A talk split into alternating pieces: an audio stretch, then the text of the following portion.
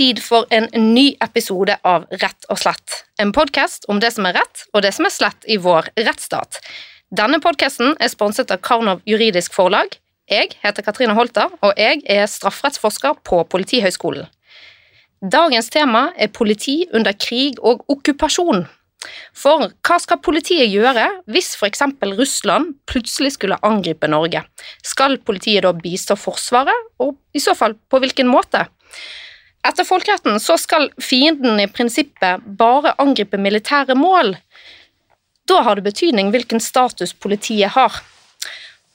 Et annet spørsmål er hva det norske politiet skal gjøre hvis fremmede makter skulle lykkes i å okkupere Norge og politiet blir underlagt okkupantens kommando.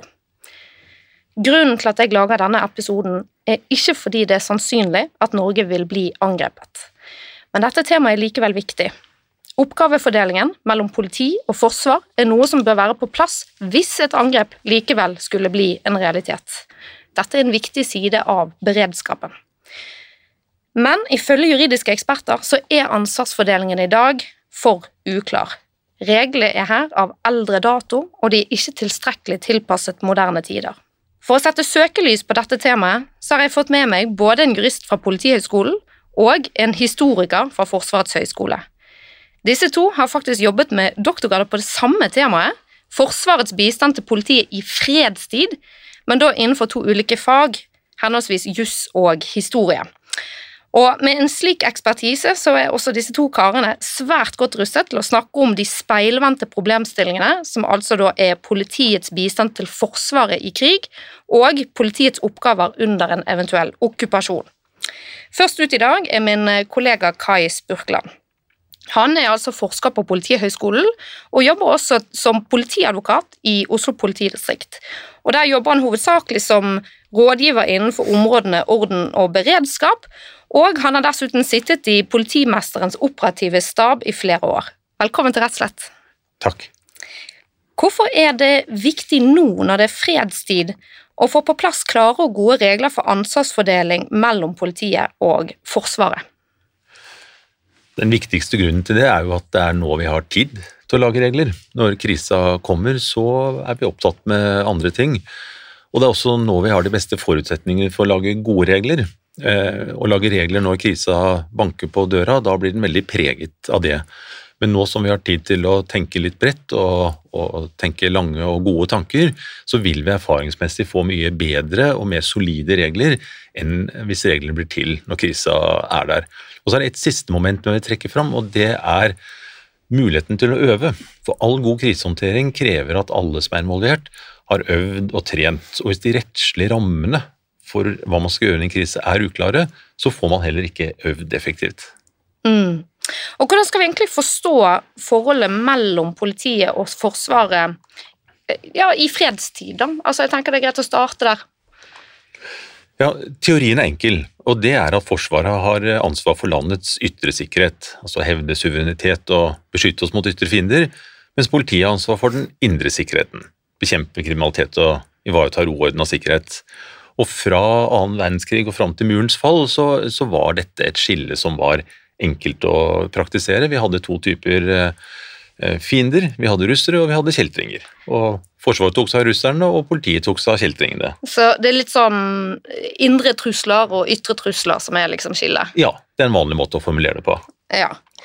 Ok, og, og så har vi da Politiet da er, er jo da sivilt, ikke sant? Politi versus det militære, og det er et viktig poeng her. Ja, for det er forskjell på, på hvilke oppgaver man har når man er sivil og militær, og ikke minst hvilke regler som gjelder for typisk maktbruk når man er grønn eller når man er blå. da. Ikke sant. Eh, og da sikter du altså til eh, fargen på uniformene? Fargen på uniformen. Yes. Eh, dagens andre gjest heter Magnus Håkenstad. Han er historiker og forsker på Forsvarets høgskole, og jobber da på Institutt for forsvarsstudier og eh, Magnus har beredskap som sitt eh, fagfelt. Velkommen også til deg. Tusen takk. Eh, siden du er historiker, så hopper jeg rett inn i nettopp det historiske perspektivet og, og lurer litt her på om hva er det som historisk sett har vært viktig i forholdet mellom politi og forsvar? Det viktigste som, som, dukker opp igjen og igjen, er jo at det skal være en ryddig arbeidsdeling langs de linjer som, som Kai nevnte. Altså Forsvaret tar de ytre trusler, Politiet tar det indre. Eh, det er selvfølgelig veldig enkelt, og selvfølgelig så er det jo aldri så enkelt. Eh, så historien om forholdet mellom politi og forsvar i fredstid er jo veldig mye historien om hvordan denne enkle arbeidsdelingen på ulike måter blir utfordret av den kjipe virkeligheten. Da. Enten det har dreid seg om opprør, revolusjon eller terrorisme eller alt mulig som ligger på en måte i grensefeltet mellom krig og fred. Mm. Og Hva er det som er liksom, de store problemstillingene når det gjelder denne ansvarsfordelingen mellom politi og forsvar i fredstid? Nei, altså, Problemene her oppstår fordi politi og forsvar har jo oppdrag som, som, ligner på hverandre. Det er jo snakk om å beskytte uh, land, folk, nasjon, suverenitet, styresett, uh, verdier og prinsipper. Uh, og Det lar seg ikke gjøre å trekke noe skarpt skille der, egentlig. så der vil det bli overlapp. og i tillegg så ligner jo også politiet og Forsvaret på mange måter, i hvert fall sånn, hvis man ser kjapt på det, ligner på hverandre. Eh, operative organisasjoner med uniformering, bevæpning, adgang til maktbruk. De kalles jo sammen kalles de voldsmonopolet. ikke sant? Og kommandolinjer, ikke minst. Kommandolinjer og, og alt mulig sånt noe. Um, så det, tendensen er jo da til at, at, eh, når det dukker opp disse litt sånn vanskelige oppgavene og det kan være, I gamle dager var det mye snakk om å beskytte staten mot folket. da, Opprør og revolusjon, eller så er det i nyere tid terrorisme. Og så har man masse annet uh, innimellom der. og Dette er jo typisk I fredstid så er det typisk politioppgaver som politiet av en eller annen grunn ikke får til selv, og så trenger de hjelp fra Forsvaret, som jo ofte ikke har så mye å finne på, for det er ikke noe krig på gang. Da kan man tenke kan man låne noe fra uh, Forsvaret. Og det har jo da uh, ikke alltid slått helt heldig ut. Ja, og, sant. og her er jo 22. juli-saken uh, har vært et tema der dette har vært diskutert. Kai? Mm. Jeg henger meg litt på det Magnus sier, at om, tradisjonelt så handlet uh, liksom disse problemstillingene mellom politi og forsvar om i hvilken grad man kunne gjøre unntak fra den veldig sånn klare todelingen. Når kunne du bruke Forsvaret, som jo har ansvar for de den ytre sikkerheten til indre oppgaver. Så Det var liksom den historiske eh, problematiske. Den er mye mer i bakgrunnen nå. Nå har vi på en måte disse gråsoneproblematikken som dominerer, og det er dette begrepet sammensatte eller hybride trusler som er en, som en del av tidens melodi, som skaper en rekke utfordringer fordi det treffer Hva er det for noe? Hybride, sammensatte trusler? Ja, det er vel litt enkelt sagt når du har en trussel som stammer fra typisk en, eh, en annen nasjon. Altså, la oss si at russerne ønsker å, å, destabilisere Norge, det er typisk en militær trussel. Men når du ikke bruker militære virkemidler. Du bruker ikke tanks, men du bruker eh, kriminalitet, eh, uorden, eh, cybertrusler, cyberangrep, påvirkningskampanjer. Og da får du den, den blandingen at du har på en måte en militær trussel som utkjempes med sivile virkemidler. Og Da er det Forsvaret som eier liksom, eh, problemet, og så er det politiet som eier virkemidlene. Litt enkelt sagt er det på en måte et sånn kjennetegn ved de, eh, de sammensatte eller hybride truslene. Og Det som skaper utfordringene der, er at det treffer både politiet og, og Forsvaret. Eh, og det andre er at i en del sammenhenger så vet man heller ikke hva man står overfor. Mm. Og selv en, en, så for så vidt renskåret ting som 22. juli, i de første ja, faktisk nesten timene der, så var det litt åpent. Var dette et angrep fra fremmed makt? Var det terror? Eller var det en ulykke? Ja, og Da tenker jeg at det er veldig viktig at det ikke ender opp med at begge etater blir stående og vente på at noen andre skal agere. ikke sant? Nei, det blir feil. Hvis, hvis alle går inn og sier denne krisa er jeg, og begynner å handle ut fra sine forutsetninger og perspektiver, så kan det gå veldig gærent. Og hvis alle sitter stille, så går det like gærent. Ikke sant.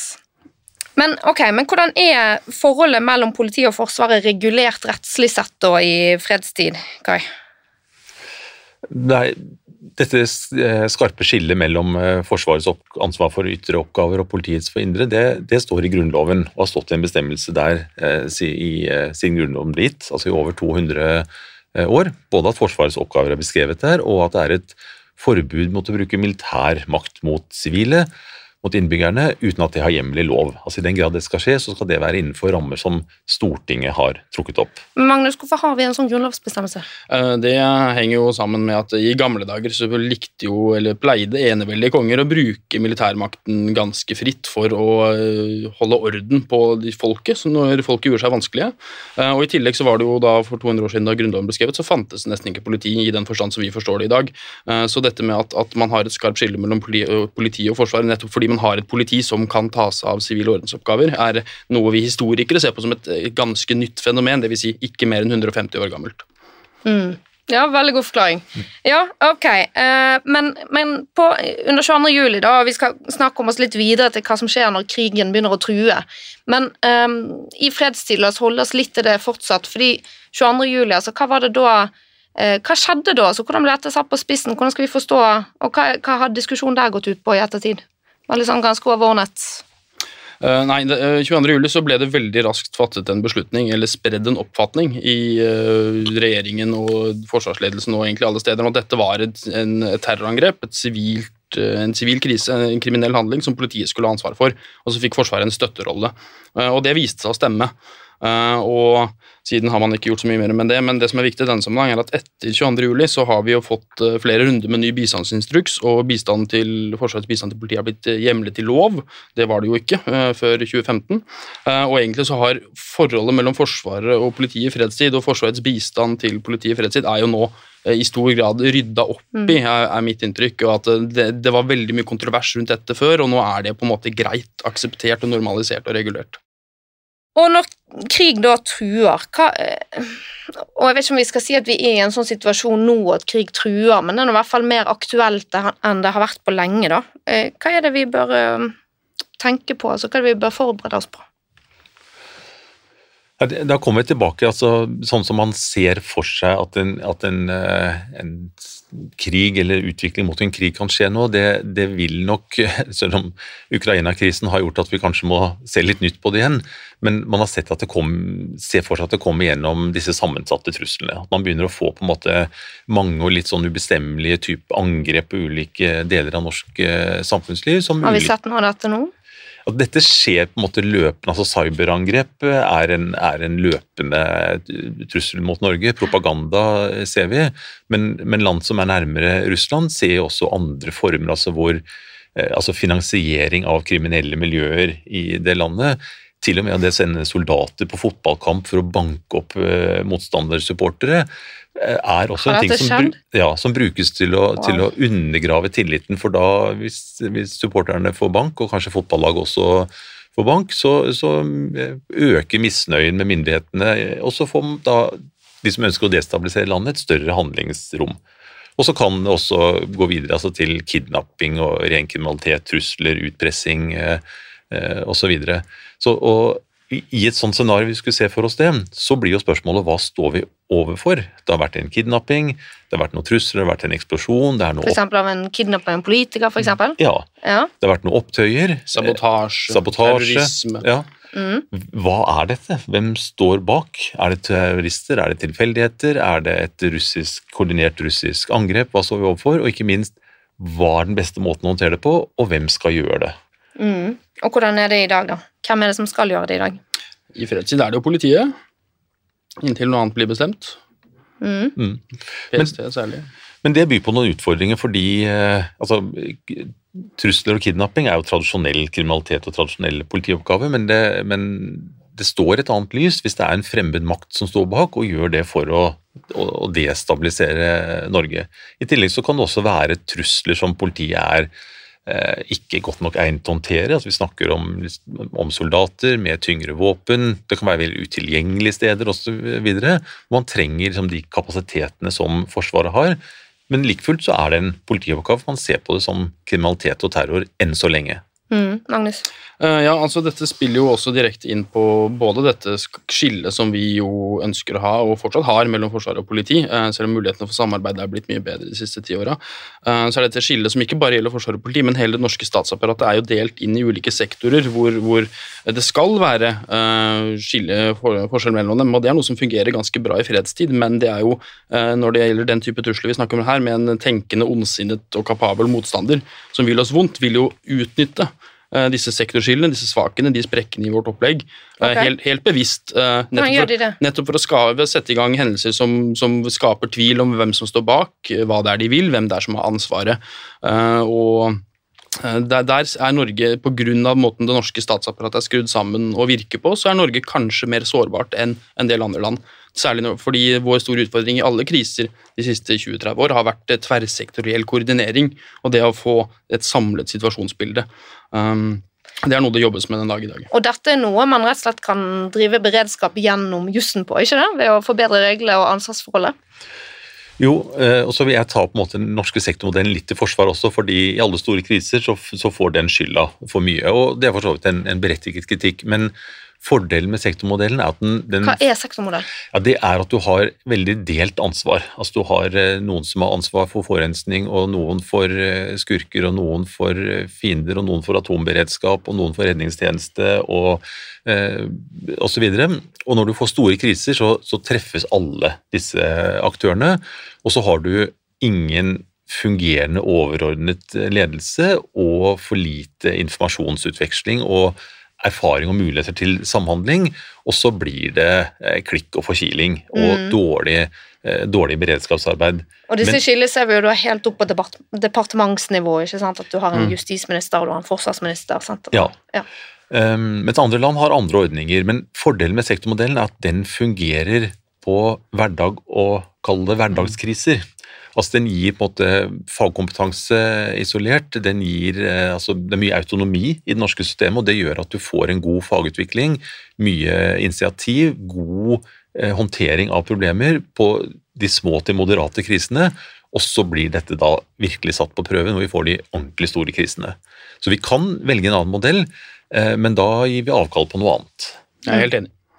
Ok, øh, Men er dette her, altså dette å forberede seg på en eventuell, øh, et eventuelt angrep da, fra en frem, fremmede makter, også i form av øh, kanskje mer at det ruller tanks over grensen, ikke sant?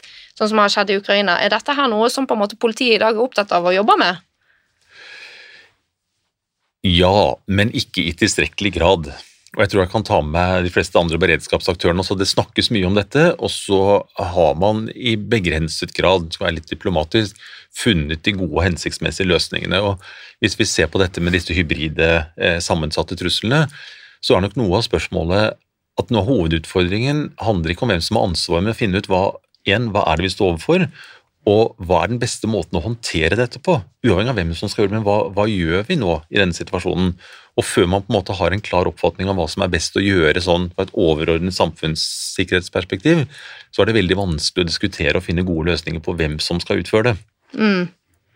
Ok, og da kan jo vi egentlig gå litt videre, for nå begynner vi å komme inn på dette temaet. Hva skjer under krig? Altså, vi har rett og slett, la oss si nå, har vi hypotetisk sett blitt Eh, eller nå kan vi ta, ta, utgangspunkt i et eksempel der vi har blitt eh, angrepet av russere, f.eks. Med tanks over grensen. Det er en eh, okkupasjonsmakt på vei innover i landet vårt. Hvordan endrer det forholdet mellom forsvar og politiet? Et nøkkelbegrep i den sammenhengen her er jo det som kalles totalforsvaret. Ja. Um, Hva er det for noe? Det er en fellesbetegnelse for det militære forsvaret og den sivile beredskapen i Norge, som omfatter gjensidig støtte og samarbeid mellom sivil og militær side for å forebygge, planlegge for og håndtere kriser i fred, sikkerhetspolitiske kriser, væpnet konflikt og krig. Det er den offisielle definisjonen. Den tradisjonelle definisjonen av totalforsvar uh, var mye mindre bred enn det. Det dreide seg om at Forsvaret kunne få de sivile ressursene Forsvaret trengte for å kunne krige. Og i en sånn situasjon som vi snakker om her nå, så er det fortsatt det som er kjernen i totalforsvar. og det tenker jeg egentlig vi kan holde oss til den uh, nå i diskusjonen. Uh, men det som vil skje, da, helt konkret hvis Russland angriper, og da har de det som pekes ut som det mest sannsynlige, er jo Finnmark. Trenger ikke komme inn på grunn til det. Det er lite sannsynlig, uh, sånn som det ser ut nå, men det er noe, det er noe man må planlegge for. og Det første som skjer, vil jo være at Forsvaret opptar striden og gjør motstand. og Helt avhengig av hvor kraftig og overraskende angrep er, så kan de lykkes mer eller mindre godt med det, men man må vel anta at, at vi ikke klarer å stanse dem på grense Jakobselv. Slik at uh, det kommer vi litt tilbake til, at Noe norsk territorium vil jo bli okkupert nærmest uansett. Uh, dette vil jo, Siden vi er alliert med, er en del av Nato, så vil jo dette utløse artikkel 5, som det heter i Nato, som vil gjøre at dette blir en krig mellom Russland og Nato. Uh, og Det er jo en av grunnene til at dette anses som usannsynlig, da, at Russland vil prøve seg på noe sånt. Nå. Og Det blir utløst med en gang? Uh, det blir utsatt, uh, det, er, det, er, en liten prosess på det. og en, en, nøkkel for å utløse artikkel 5 og bistand fra allierte der er jo nettopp at man gjør militær motstand. hvis det ikke er norske styrker der eller de overgir seg uten kamp, så vil jo Nato kunne, eller noen allierte kunne si at ja, men det er jo ikke noe krigstilstand, for det er den, selve den krigstilstanden og kampene som er litt viktig for å, for å utløse den. Norge slåss, vi trenger hjelp. Og Da vil det veldig fort også kobles på uh, en, altså en, stor Nato-ramme. Store deler av norske forsvaret vil jo, vil jo havne under Nato-kommando, uh, men det er ikke så viktig i denne sammenhengen om politi og forsvar. Uh, men da vil jo Forsvaret eh, veldig raskt få hovedrollen i krisehåndteringen, og man vil snu opp ned på veldig mye av det normale ansvarsforholdet vi har i, i krisehåndtering i, i, fred og krisetid. Eh, hvor da sivilsamfunnet, inkludert politiet, i mye større grad vil måtte støtte Forsvaret, som har hovedjobben. Ok, men hvis du, hvis du jobber i La oss si at du er politiutdannet, du jobber i politiet til vanlig. Vil du da bli innkalt til Hæren hvis vi blir angrepet? Eh, det, før i tida så kunne du veldig lett det, nå er det veldig lite uh, sannsynlig. Um, det er, uh, I gamle dager så hadde vi noe som het Politireserven, og den er veldig gøyal i den sammenheng her. Den ble lagt ned i 2020 til slutt. Um, den var opprinnelig eh, laga under den kalde krigen fordi eh, ja, under den kalde krigen så var det veldig vanlig, nesten påkrevet, tror jeg, å ha militær eh, bakgrunn for å bli politi. Det betydde, og Veldig mange hadde gått på fagskolen eller var offiserer. Eh, politifolk da. Det betydde at eh, hvis det ble krig på 70-tallet, så ville nest, veldig mange politifolk ville bli kalt inn til hæren fordi de hadde viktige jobber i, reserve, i reservestyrkene. Ja, og da lagde man, Siden det ville svekke politiet, så lagde man Politireserven, som besto av folk som hadde militær førstegangstjeneste og noen ukers politikurs til å fylle opp i politiet. Okay, så I gamle ja. dager var det slik at Forsvaret ville ta de beste politifolka og erstatte dem med ganske dårlige soldater. Uh, sånn er det ikke nå lenger. Uh, Gjenta det. Altså at Forsvaret ville Uh, I gamle dager så ville Forsvaret ta alle de beste politifolka sjøl. Ja. Uh, og, og innkalle de? Ja, til seg sjøl. Og så ville politiet måtte klare seg med uh, dårlig utdanna soldater. Ja, nettopp. Mm. Der er vi ikke nå. Ok, ja, Det er jo i hvert fall en god utvikling, da. Men jeg bare så supplerer Magnus litt på, fra toppen på liksom, hva, hva, skjer i forholdet mellom politi og forsvar hvis, vi, hvis, vi, hvis det blir en væpnet konflikt. Og det er jo liksom at rollene byttes. altså I beredskapssammenheng snakker man om hvem som er i lead. Hvorfor det er en del av det norske språket er litt usikkert. men eh, men i fredstid er det politiet som er i lead. og hvis Forsvaret skal bruke Hvordan staver du det? Lead? Ja, det er ledelse, altså.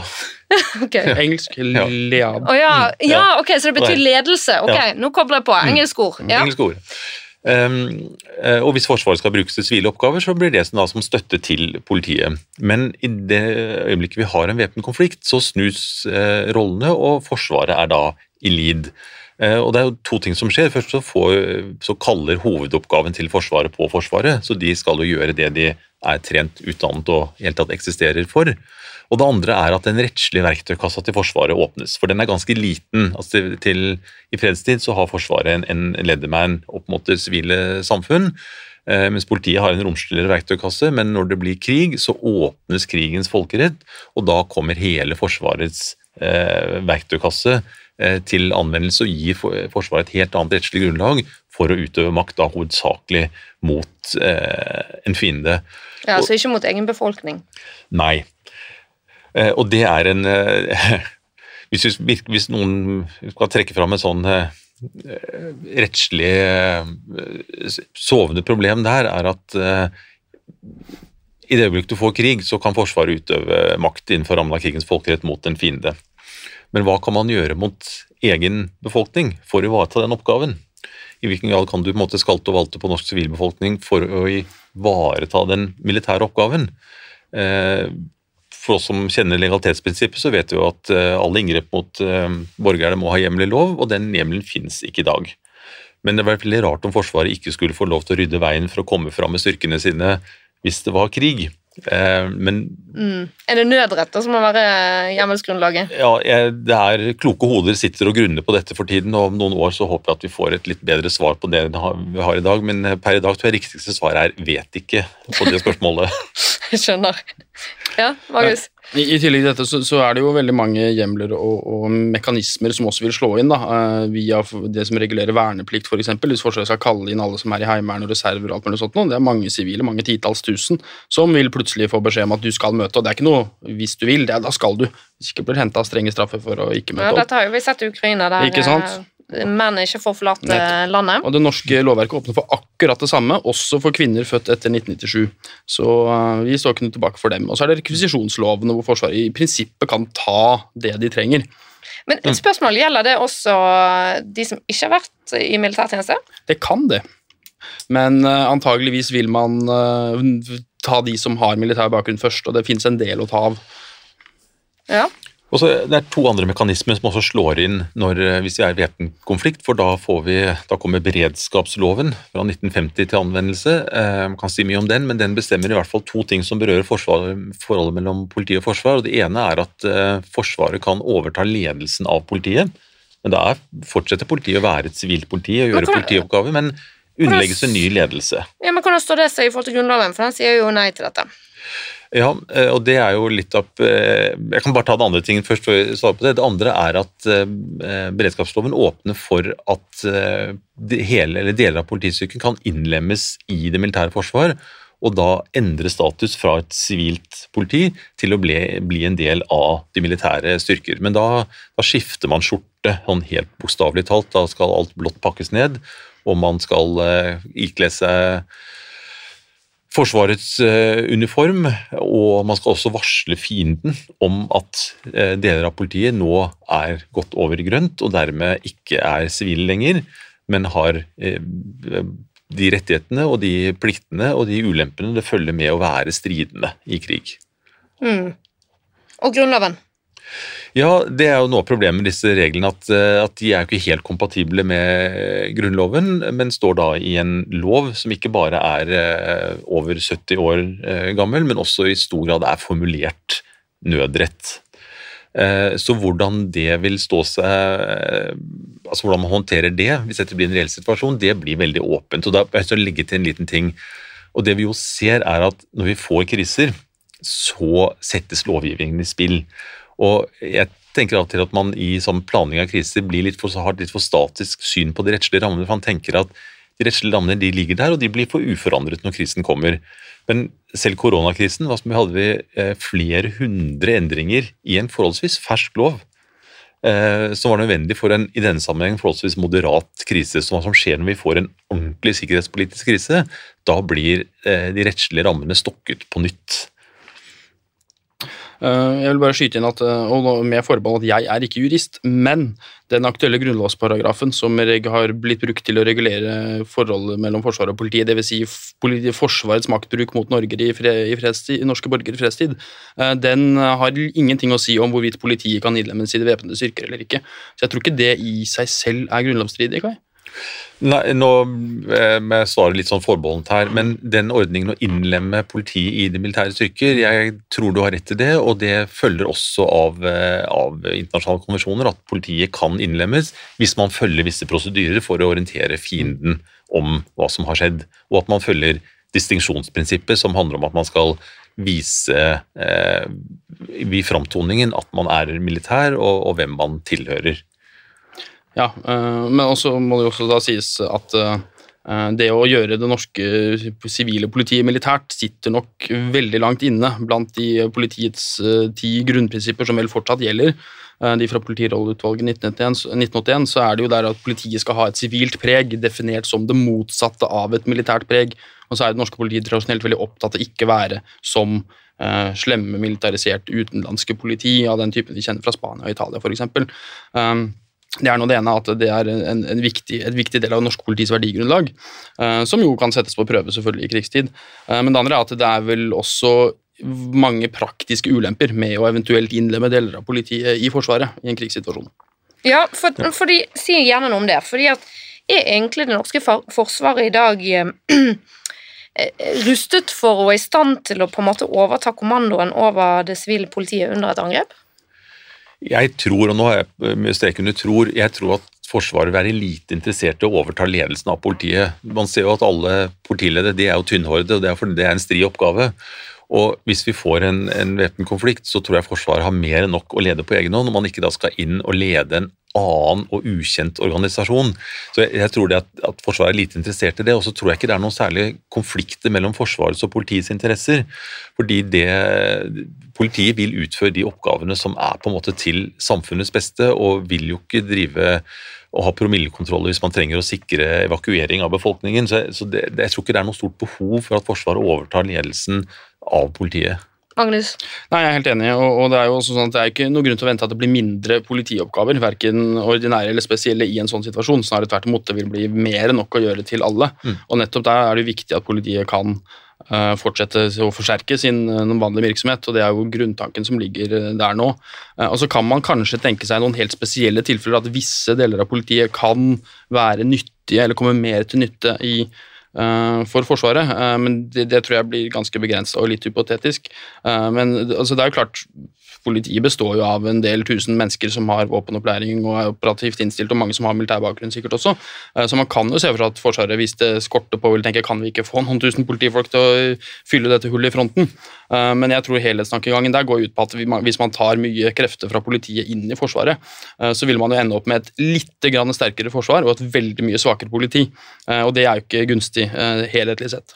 Men hva, ja, det er også min spådom at man vil kanskje forsyne seg av noen godbiter fra politiet. altså En håndfull skarpskyttere og noen bombespesialister kan være kjekt å ha, men at man ikke vil ta på en måte store mengder av det ordinære politiet. og det, det handler jo om altså Det er jo fortsatt behov, eller antagelig et mye større behov for polititjenester når vi, når vi er i en krigssituasjon, så, så hensyn til befolkningen eh, vil kreve det. Og det vil antagelig også være i Forsvarets interesse at politiet utfører sine oppgaver, så Forsvaret på en måte får jobbe mer i fred. altså hvis for Ellers så vil Forsvaret blir tvunget til å forholde seg til spørsmål om evakuering, rasjonering eh, osv. Hvis politiet håndterer det, så vil Forsvaret få med alburom til å gjøre de rent militære oppgavene, tenker jeg. Ja, for hva er det egentlig politiet bør gjøre under et angrep?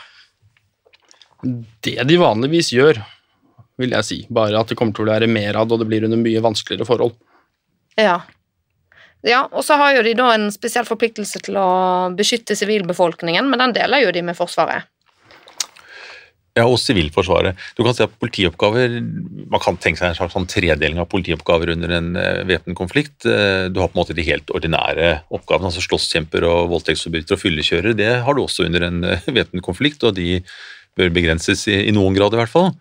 Og så var det på en måte mer sånn ekstraordinære politioppgaver, og da snakker vi typisk om, om evakuering, rasjonering, den type ting som du ikke har til daglig, men som er sivile oppgaver.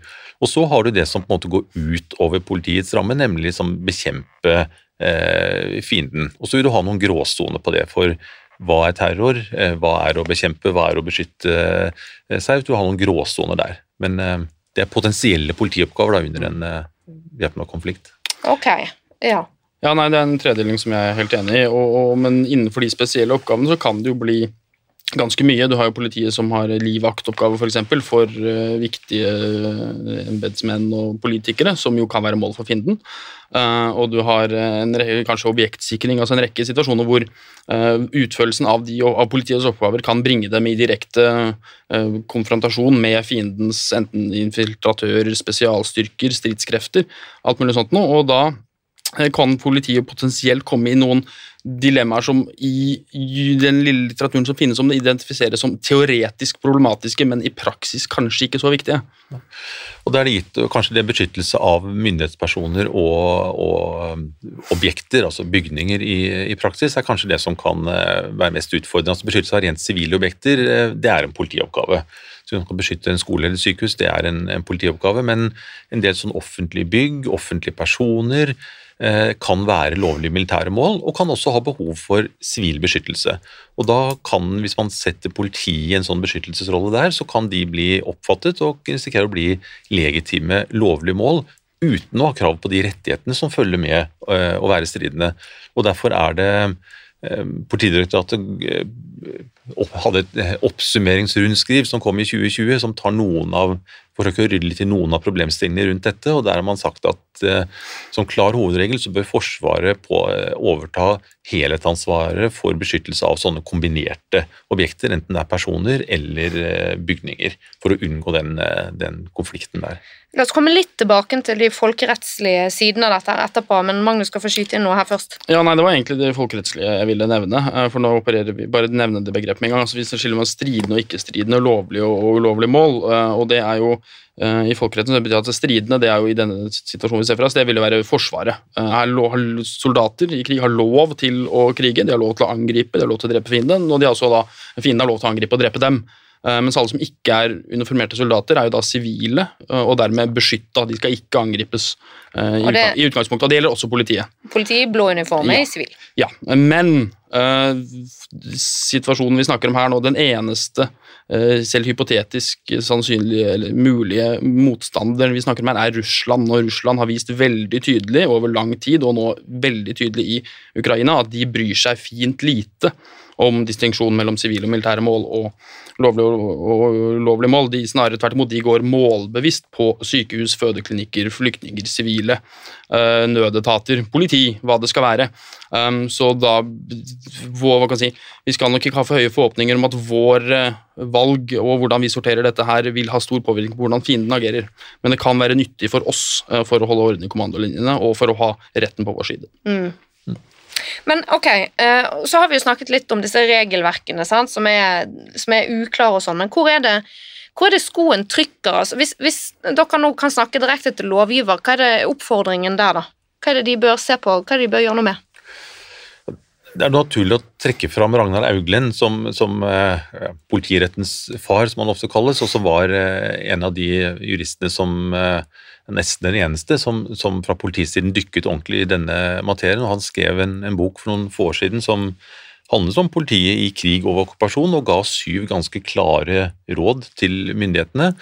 Og Det handler egentlig først og fremst om en opprydding. Eh, ikke så mye for å ivareta helt sånn grunnleggende eh, rettslige krav, men fordi mangelen på regulering gjør at du får en rekke gråsoner som både kan avstedkomme eh, lovbrudd på, på, ulike nivåer, og ikke minst en dårlig utnyttelse av ressursene. Så la oss ta dette spørsmålet om hvis det blir krig, bør deler av politiet innlemmes i eh, Forsvaret. Så helt om, det er hensiktsmessig, det, der kjenner ikke jeg til at det er gjort noen gode vurderinger på hva som er gevinsten og tapene ved det.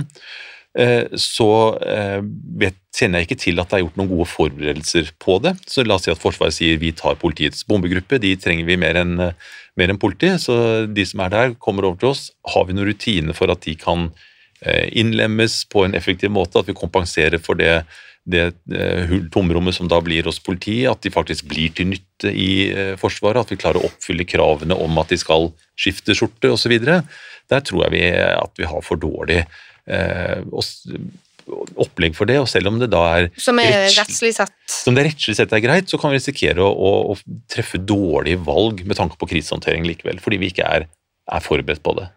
Ja, men det hørtes ut som et treningsspørsmål mer enn et juridisk ja, men, og det er igjen det at hvis du, det er ikke noe vits å trene på noe som du ikke vet om skjer, eller hva som skjer. Så det man trenger, er jo på en måte gjort først en sånn overordnet politisk faglig vurdering at hva skal, skal Forsvaret forsyne seg av politiet, og i så fall hvem bestemmer det, og under hvilke forutsetninger, så må det gjøres en, en vurdering av om det er rettslig adgang til det. Det, det tror jeg i stor grad det vil eh, være.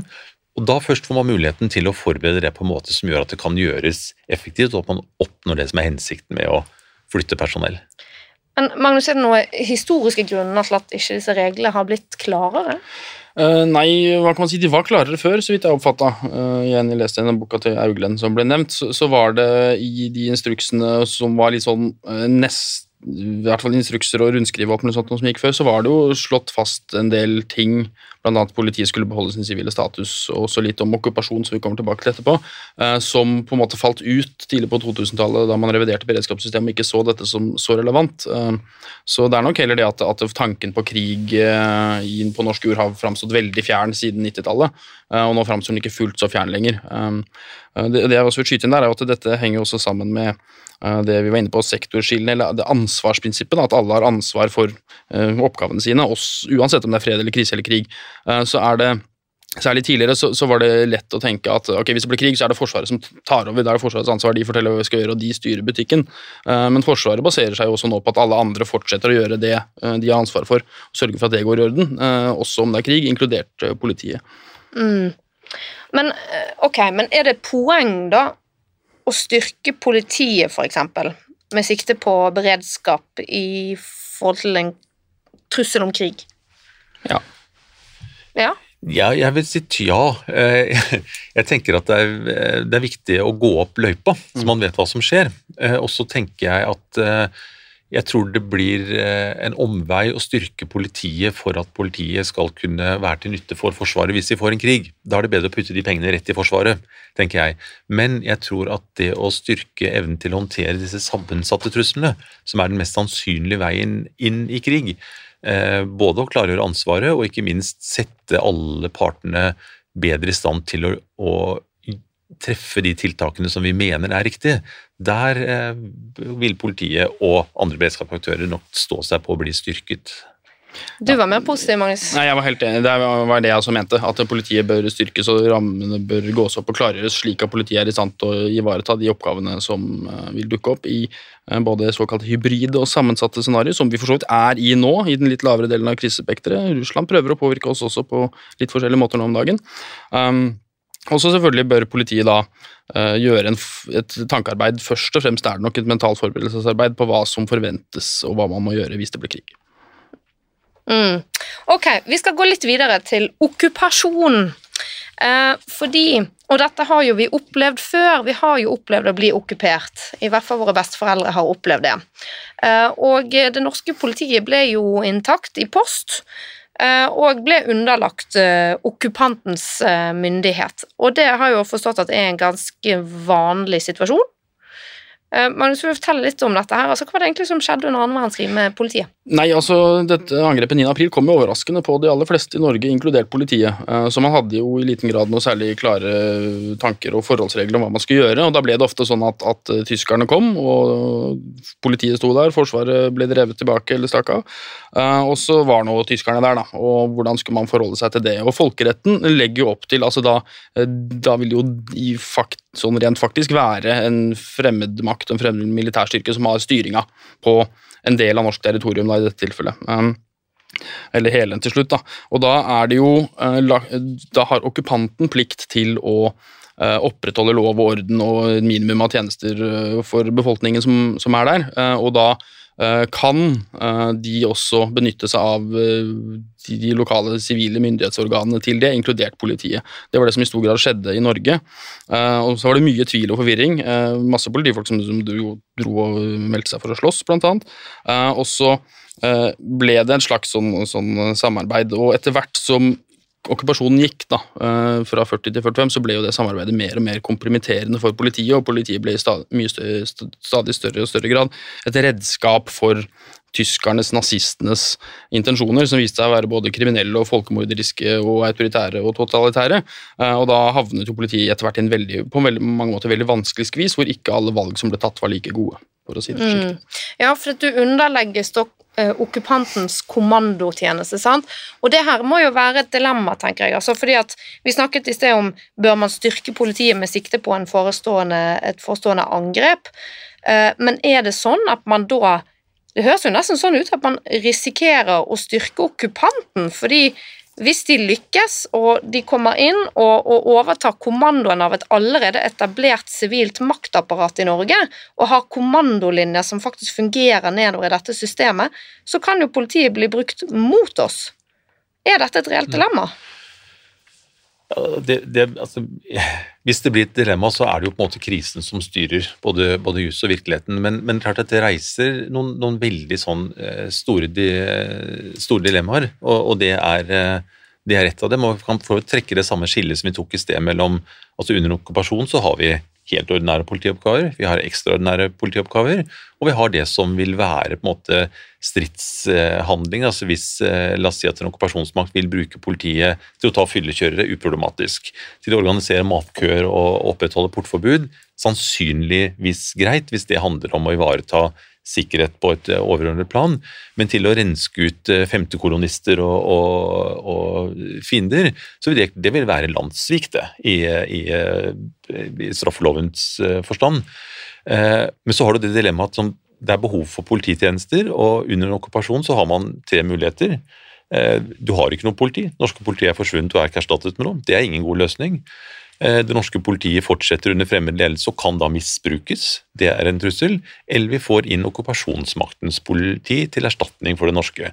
Og Det er det også mulig å forestille at det ikke er en helt optimal løsning. Så her er det definitivt et valg mellom onder. Eh, Ja, eh, Magnus, vil du utdype litt disse alternativene? Ja, nei, Hvordan er, kan det i praksis uh, se ut? Nei, Dette var et spørsmål som man tenkte en del på etter krigen, da, når man skulle egentlig bygge den norske beredskapen for den kalde krigen, hvor man jo så for seg en, en okkupant som var akkurat like kjip og brutal uh, som, som tyskerne, uh, nemlig Sovjet. Og da var jo egentlig dilemmaet var jo should we stay or should we go for politiet, eh, egentlig. Eh, om man skal bli her og havne i alle de vanskelige dilemmaene som Kai snakker om, eller komme seg ut. Um, og der landa man jo i, eh, på den kalde krigen ganske tydelig på at, at det var erfaringen var så dårlig fra andre verdenskrig. Det var lite vits i å tro at man kunne eh, at, at kan si, Fordelene for den norske befolkningen ved å ha norsk politi under ny administrasjon eh, på okkupert område fordelene var, de var mindre enn fordelen okkupanten hadde av å kunne misbruke det norske politiet som en del i sin undertrykkelse. Ja, for Det det, var- er der avveiningen må det, det, gjøres. det er avveiningen, og det var i hvert fall i de første tiårene etter krigen så var det ganske sånn tydelig formidla at politiet bør egentlig ikke bli.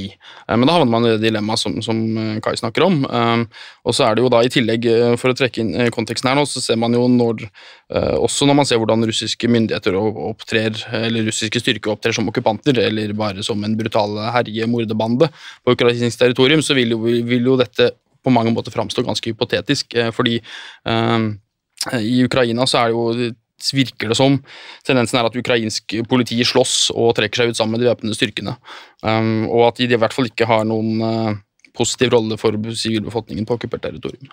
Mm.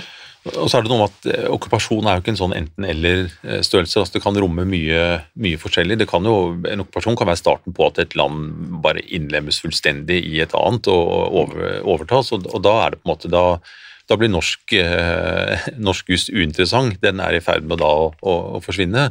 Men det kan jo også være at en okkupasjon bare er for å få på en måte mer kontroll over et naboland, og det har vi sett Russland gjøre overfor naboland i eh, ulik grad. og klart Hvis det bare på en måte er å, å feste et stramt grep om norske myndigheter og for øvrig ikke ha noe særlig innflytelse i, i landet, så vil det være mye mer nærliggende at det norske politiet opprettholder sin eh, virksomhet. Men det koker på en måte ned til vil politiet jobbe for befolkningen, eller vil man jobbe for okkupasjonsmakten? Ja, og, men hvordan er dette rettslig regulert under en okkupasjon, da? Altså de, de norske reglene er veldig lette å svare på, for de er, de er knapt eh, eksisterende. Eh, så da har du på en måte Og det er litt av problemet. Det er litt av problemet. Nå vil ikke jeg velge meg som førstemann til å sitte i et utvalg som skal lage regler for politiets rolle under okkupasjon. Der Det er det mange, mange usikkerhetselementer der, men, eh, men eh, med forbehold at jeg ikke er Ja, for det, det er så utrolig avhengig av hvem angriperen er, om det er en angriper som respekterer eh, krigens folkerett osv. Og så kan du få så veldig mange varianter. altså Du vil, du kunne, vil jo kunne få masse lovendringer i det norske regelverket. altså Mens en krise er en oppseiling, så vil enda mens man har en regjering som man mener er, er eh, legitim i, i Norge, kunne gjøre en masse endringer, og noen av de kan tenkes å være pro-okkupasjonsmakten, fordi du har politiske krefter som vil den veien, og så kan du få alle varianter over nye regler som gis av en norsk, eh, norsk storting, eh, regjering med lite handlingsrom, til at de er fullstendig underlagt en okkupasjonsmakt. Og, og hvilke av disse er man forpliktet til å følge? Det, er, det blir nesten umulig å gi noe sånn godt svar på hva, hva som blir de rettslige rammene for Ja. politiet. Og, Fordi det man kan se samtidig på politisk hold, er vel et skifte i retning av mer autoritære krefter, også internt i, liksom, i et politisk system. Da, så at det, trussel også vokser innenfra når han kommer utenfra. Det så vi vel under andre verdenskrig, i alle fall. Det får historikeren svare på. Ikke, i Norge i, i, no, i noe særlig grad. Jeg tenkte bare på Quisling, da.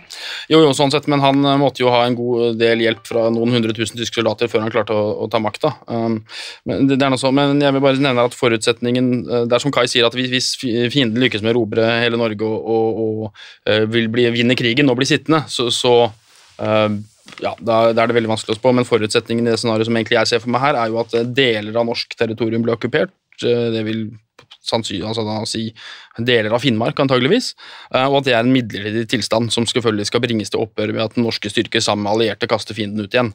Eh, Det er jo det er jo målet, så det er en midlertidig tilstand.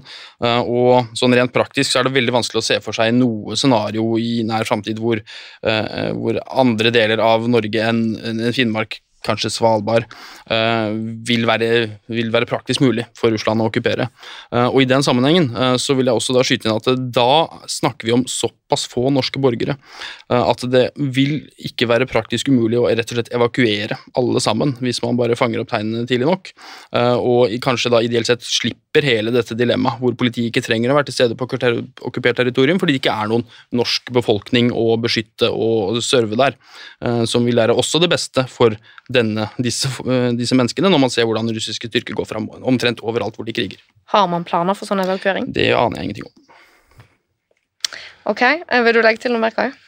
Nei, ikke vet jeg. Hadde jeg visst det, så ville jeg sikkert ikke få lov til å fortelle om det. så det... Mm, skjønner. Ok, um, men Og vi nærmer oss nå avslutningen her, men um, kan vi si noe mer om uh, om eh, hva man bør lære av fortiden, og hva man bør tenke på nå fremover?